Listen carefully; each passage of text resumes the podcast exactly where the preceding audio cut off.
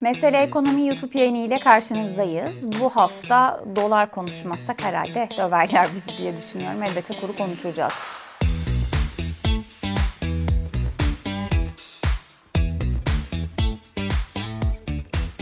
Dövizi konuşurken aslında biraz daha genel bir başlıkla girelim isterseniz sohbetimize. Ekonominin rüya takımı. Şimdi bu hafta çok yazılıp çizildi. E, hepinizin de çok iyi bildiği üzere Hazine ve Maliye Bakanı Mehmet Şimşek'in e, eski bakan Nebati'den görevi devralması, orada verdiği mesajlar, e, istikrar mesajı, şeffaflık, bağımsızlık mesajı çok çok önemliydi. Biliyorsunuz biz bu kıymetli kelimeleri seçimden önce Ortodoksa dönüş ve Millet İttifakı seçilirse senaryoların içerisine koyuyorduk aslında. E, Cumhur İttifakı'ndan ve mevcut Cumhurbaşkanı Erdoğan'ın kabinesinden bu yönde bir açıklama gelmesi beklenmiyordu. Ne oldu da Mehmet Şimşek geldi? Mehmet Şimşek nasıl bir ekiple yola devam edecek? Niye ekonomide rüya takım deniliyor? İsterseniz önce biraz bunları konuşalım. Sonrasında da e, sadece tek başına hani sığ bir şekilde kurun yükselişini analiz etmeyiz. Bundan sonraki süreçte kur ne kadar yükselebilir sorusunun cevabına da daha rasyonel, makul bir e, yorum getirmiş oluruz. Öncelikle e, şu an Türkiye ekonomisinde kim seçilirse seçilsin tek bir gerçek vardı. Bir an önce döviz finansmanına erişim. E, yani bu gelen iktidardan işte Cumhur Millet İttifakı'ndan bağımsız zaten buna acilen ihtiyaç vardı. Peki bu döviz finansmanı nasıl erişeceksiniz? Yani rezervler eksi, e, cariye açık, e, kabaca işte 60 milyar doların üzerinde gelmesi bekleniyor. Dış borç ödemeleri var. Tüm bunları alt alta koyduğunuzda nereye sığınıyoruz? İşte maksimum taş çatlasa yılın ikinci yarısında 30 milyar doları ancak bulabilecek bir turizm geliri var. Ama 30 milyar dolarla da işler yürümez. Bunu hepimiz kabul ediyoruz herhalde. E, hal böyle olunca bizim döviz bulmamız lazım. Kuru birazcık bırakmamız gerekiyor. E, zaten kurda bırakmaya başladı e, mevcut e, iktidar. E, bil, çok iyi bilindiği üzere e, hazinenin de telkinleriyle, kamu otoritesinin telkinleriyle Merkez Bankası piyasaya müdahale ediyor. İşte kamu bankaları piyasaya müdahale ediyor. Ama bu hafta boyunca bu müdahaleler yumuşadı. Her ne kadar içerideki özel bankalara tanınan döviz alım limiti hala devam etse de e, bunun altını çizelim bu limitler kalkmadı. Bankalar hala ve hala belli bir limit çerçevesinde piyasadan döviz alabiliyorlar. Ama bankalar dışında piyasaya gelen döviz talebini kamunun karşılama gücü azaldı. Bunu da bilinçli olarak yapıyorlar. Yani kurun yükselmesine e, izin veriliyor. Bunu yapmak mecburiyetindelerdi. Çünkü başka türlü dövizi nasıl bulacağız? Yani Türkiye'nin bir döviz açığı var, döviz finansmanı ihtiyacı var. Bu sayede kur biraz yükselecek. E, işte rezervler yavaş yavaş yerine konulmak isteniyor. E, bununla beraber e, yabancı sermayeye belki çok tamamen açık değil ama biraz daha açık bir piyasa e, talep ediliyor. Nitekim bu hafta kurun kademe kademe işte 21'li seviyelerden 23'ün üzerine gelmesinin sebebi de tam olarak bu. Ağırlıklı Asya seansında başlayan talep ve sonrasında biraz daha yabancının iştahlı olduğu piyasa. E, bunlara e, bilinçli bir şekilde izin veriliyor. Şimdi dönüm piyasayla konuştuğumuzda ekonominin rüya takımı denme sebebi gerçekten ortodoksa dönüş, şeffaflık, öngörülebilirlik mi? Şimdi eğer e, ki yine bugün e, zannediyorum ki açıklanacak en azından bekleniyor. Yeni Merkez Bankası Başkanı olacak Hafize Gaye Erkan'ın Şahap Kavcıoğlu'ndan o da koltuğu devralacak. E, bu dönemde Şimşek'le beraber gerçekten Mehmet Şimşek'le beraber rüya takımı olabilmesi için işte Dubai merkezi işte Bank of Singapore'un analisti bu tabiri kullanmıştı. Ben de o yüzden bunu söyledim öngörülebilirlik ve şeffaflık deniliyor. Yani kurun birkaç hafta işte 23'lere yükselmesi ya da işte kulislerde faiz artışının konuşulması elbette yeterli değil. Çünkü şimdiye kadar saydığımız bütün bu adımlar işte kamunun yavaş yavaş piyasayı biraz kendi haline rahat bırakması vesaire elbette bir rahatlama sinyali. Fakat hala hibrit model. Yani tam olarak bir ortodokstan bahsetmemiz mümkün değil. Gerçekten şeffaflıktan, e, öngörülebilirlikten, istikrardan, bağımsızlıktan bunlardan bahsedeceksek ekonomi yönetimi için, başta Merkez Bankası için tabii ki, e, Naci Ağbal döneminden farklı bir dönem olmalı ki biz ekonomide rüya takımı diyelim. Neden farklı bir dönem diyorum? Ağbal'a tanınan yetkiler işte 4-5 ayla sınırlı kaldı. Hatırlayın Türkiye e, ki biz çok çabuk unutuyoruz. Türkiye o dönem işte top topu 14-15 milyar dolar bir sermaye çekti. Aslında fena da bir rakam değil 4-5 ayda. Ama sonrasında bu yabancı sermaye geri çıktı. Çünkü e, işte Ağbal'ın attığı o zamanki adımlar sürdürülebilir olmadı. Evet kendisi kuru tek haneye indirdi. İşte 8-9 seviyelerinden 7'lere kadar hatta 6'lara kadar indirdi. Enflasyonu tek haneye indirdi. E, o dönem Merkez Bankası Başkanı e, Ağbal. Çok da başarılıydı ama içeride özellikle şu anki görüşün ki Berat Albayrak ve kendisinin eski bakan Berat Albayrak ve e, onunla beraber aynı görüşte olan ekonomi yönetimindeki kişiler baskın çıktığı için Ağbal'ın görevine son verilmişti. Dolayısıyla e, piyasada aslında bu istikrarı göremedi. E, tekrar bütün verilerimiz bozuldu. İşte enflasyon yeniden işte çok hızlı bir şekilde yükseldi o dönem. İşte tek hanelerden 15-20-25'lere kadar gitti. Zaten e, sonrasında Şahap Kavcıoğlu döneminde 80'lerin üzerinde gördük. İşte kur e, tekrar çift hanelere geldi. İşte 10 olur mu derken bir anda 20'lerde bulduk kendimizi.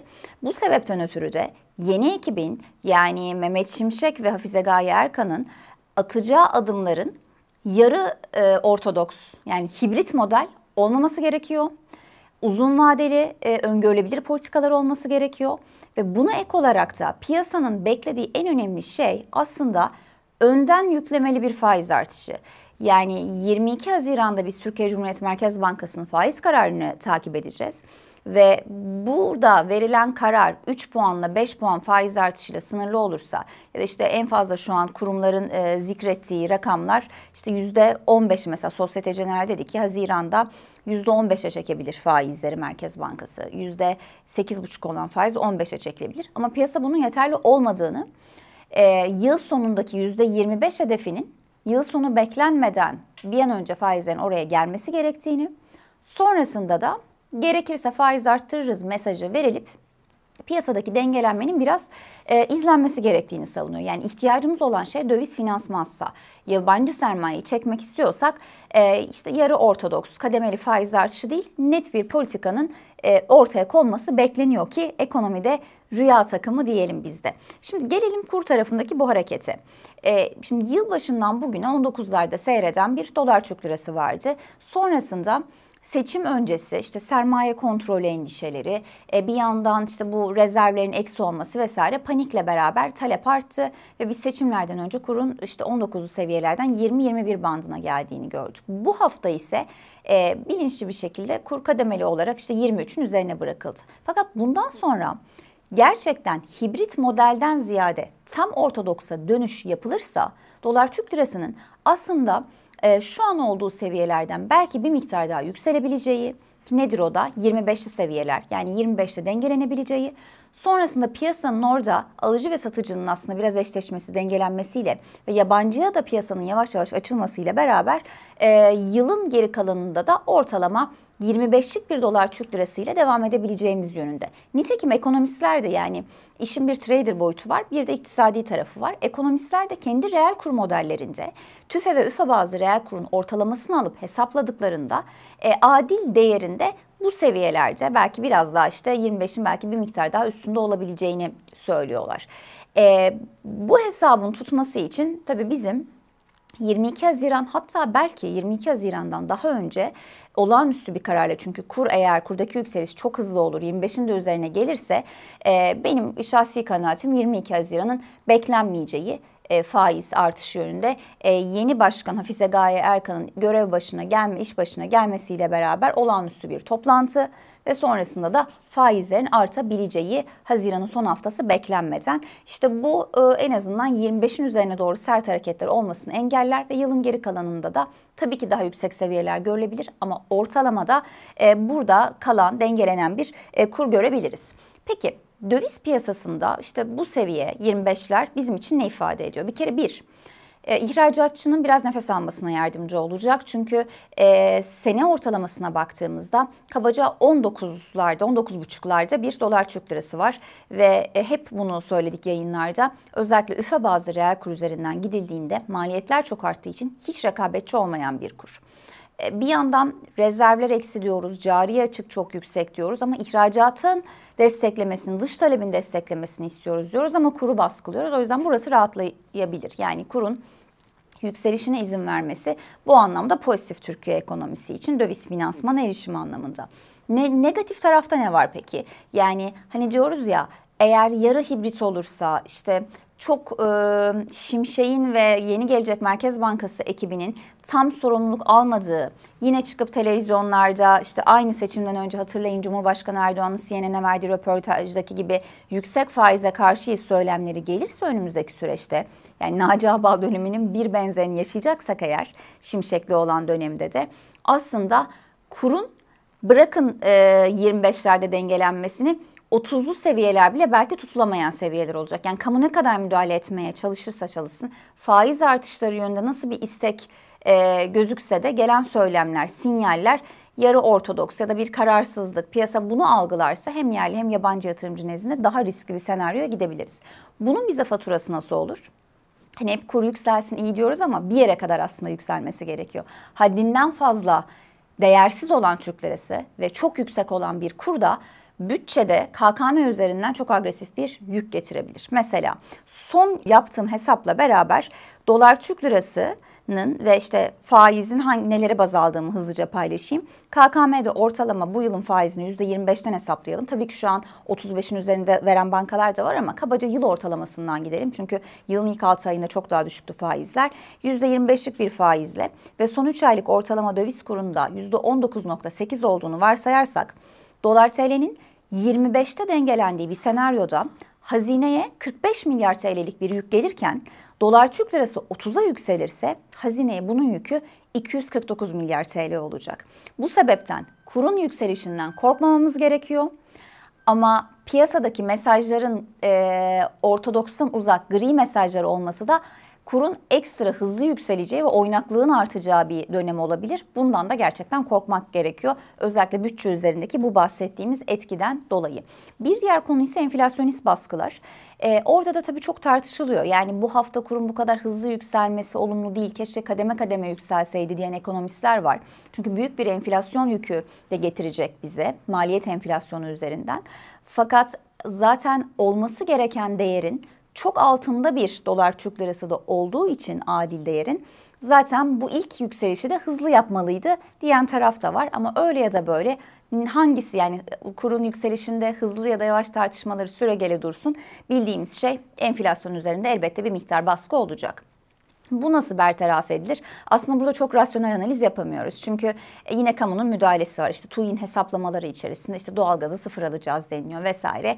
E, hepimiz de gördük işte Mayıs enflasyonu yüzde sıfır açıklandı. Hatta belki eksi bile gelebilir deniliyordu. Bu sebepten de kurdaki yükselişin enflasyonda olumsuz bir etkisi elbette olacak. Ama oradaki hesaplama yöntemlerinden dolayı tahmin edildiği kadar da fazla olmayabilir diyelim. Ve e, tamamlarken yayını son bir notta isterseniz hızlıca kurumlar ne söylemiş birer cümle onu da özetleyip sonrasında tamamlayayım. JP Morgan iddialı bir faiz artışı e, beklediğini söylemiş ve 22 Haziran'dan daha önce bunu yapacak ve %25'e yükseltecek demiş. Ben de oyumu e, aynı görüşten yana kullanıyorum. Goldman Sachs demiş ki kademeli faiz artışı olacak. Yıl sonunda dolar Türk lirası 28 seviyesine gelecek demiş ve Societe Generale de diyor ki e, bizim görüşümüz e, faizlerin yıl sonunda %25 seviyesinde olacağı e, kur tarafı içerisinde e, önümüzdeki dönemde yükseliş sürebilir demişler ama tam bir seviye vermemişler onu da aktarmış olalım. Teşekkür ederiz bizi izlediğiniz için.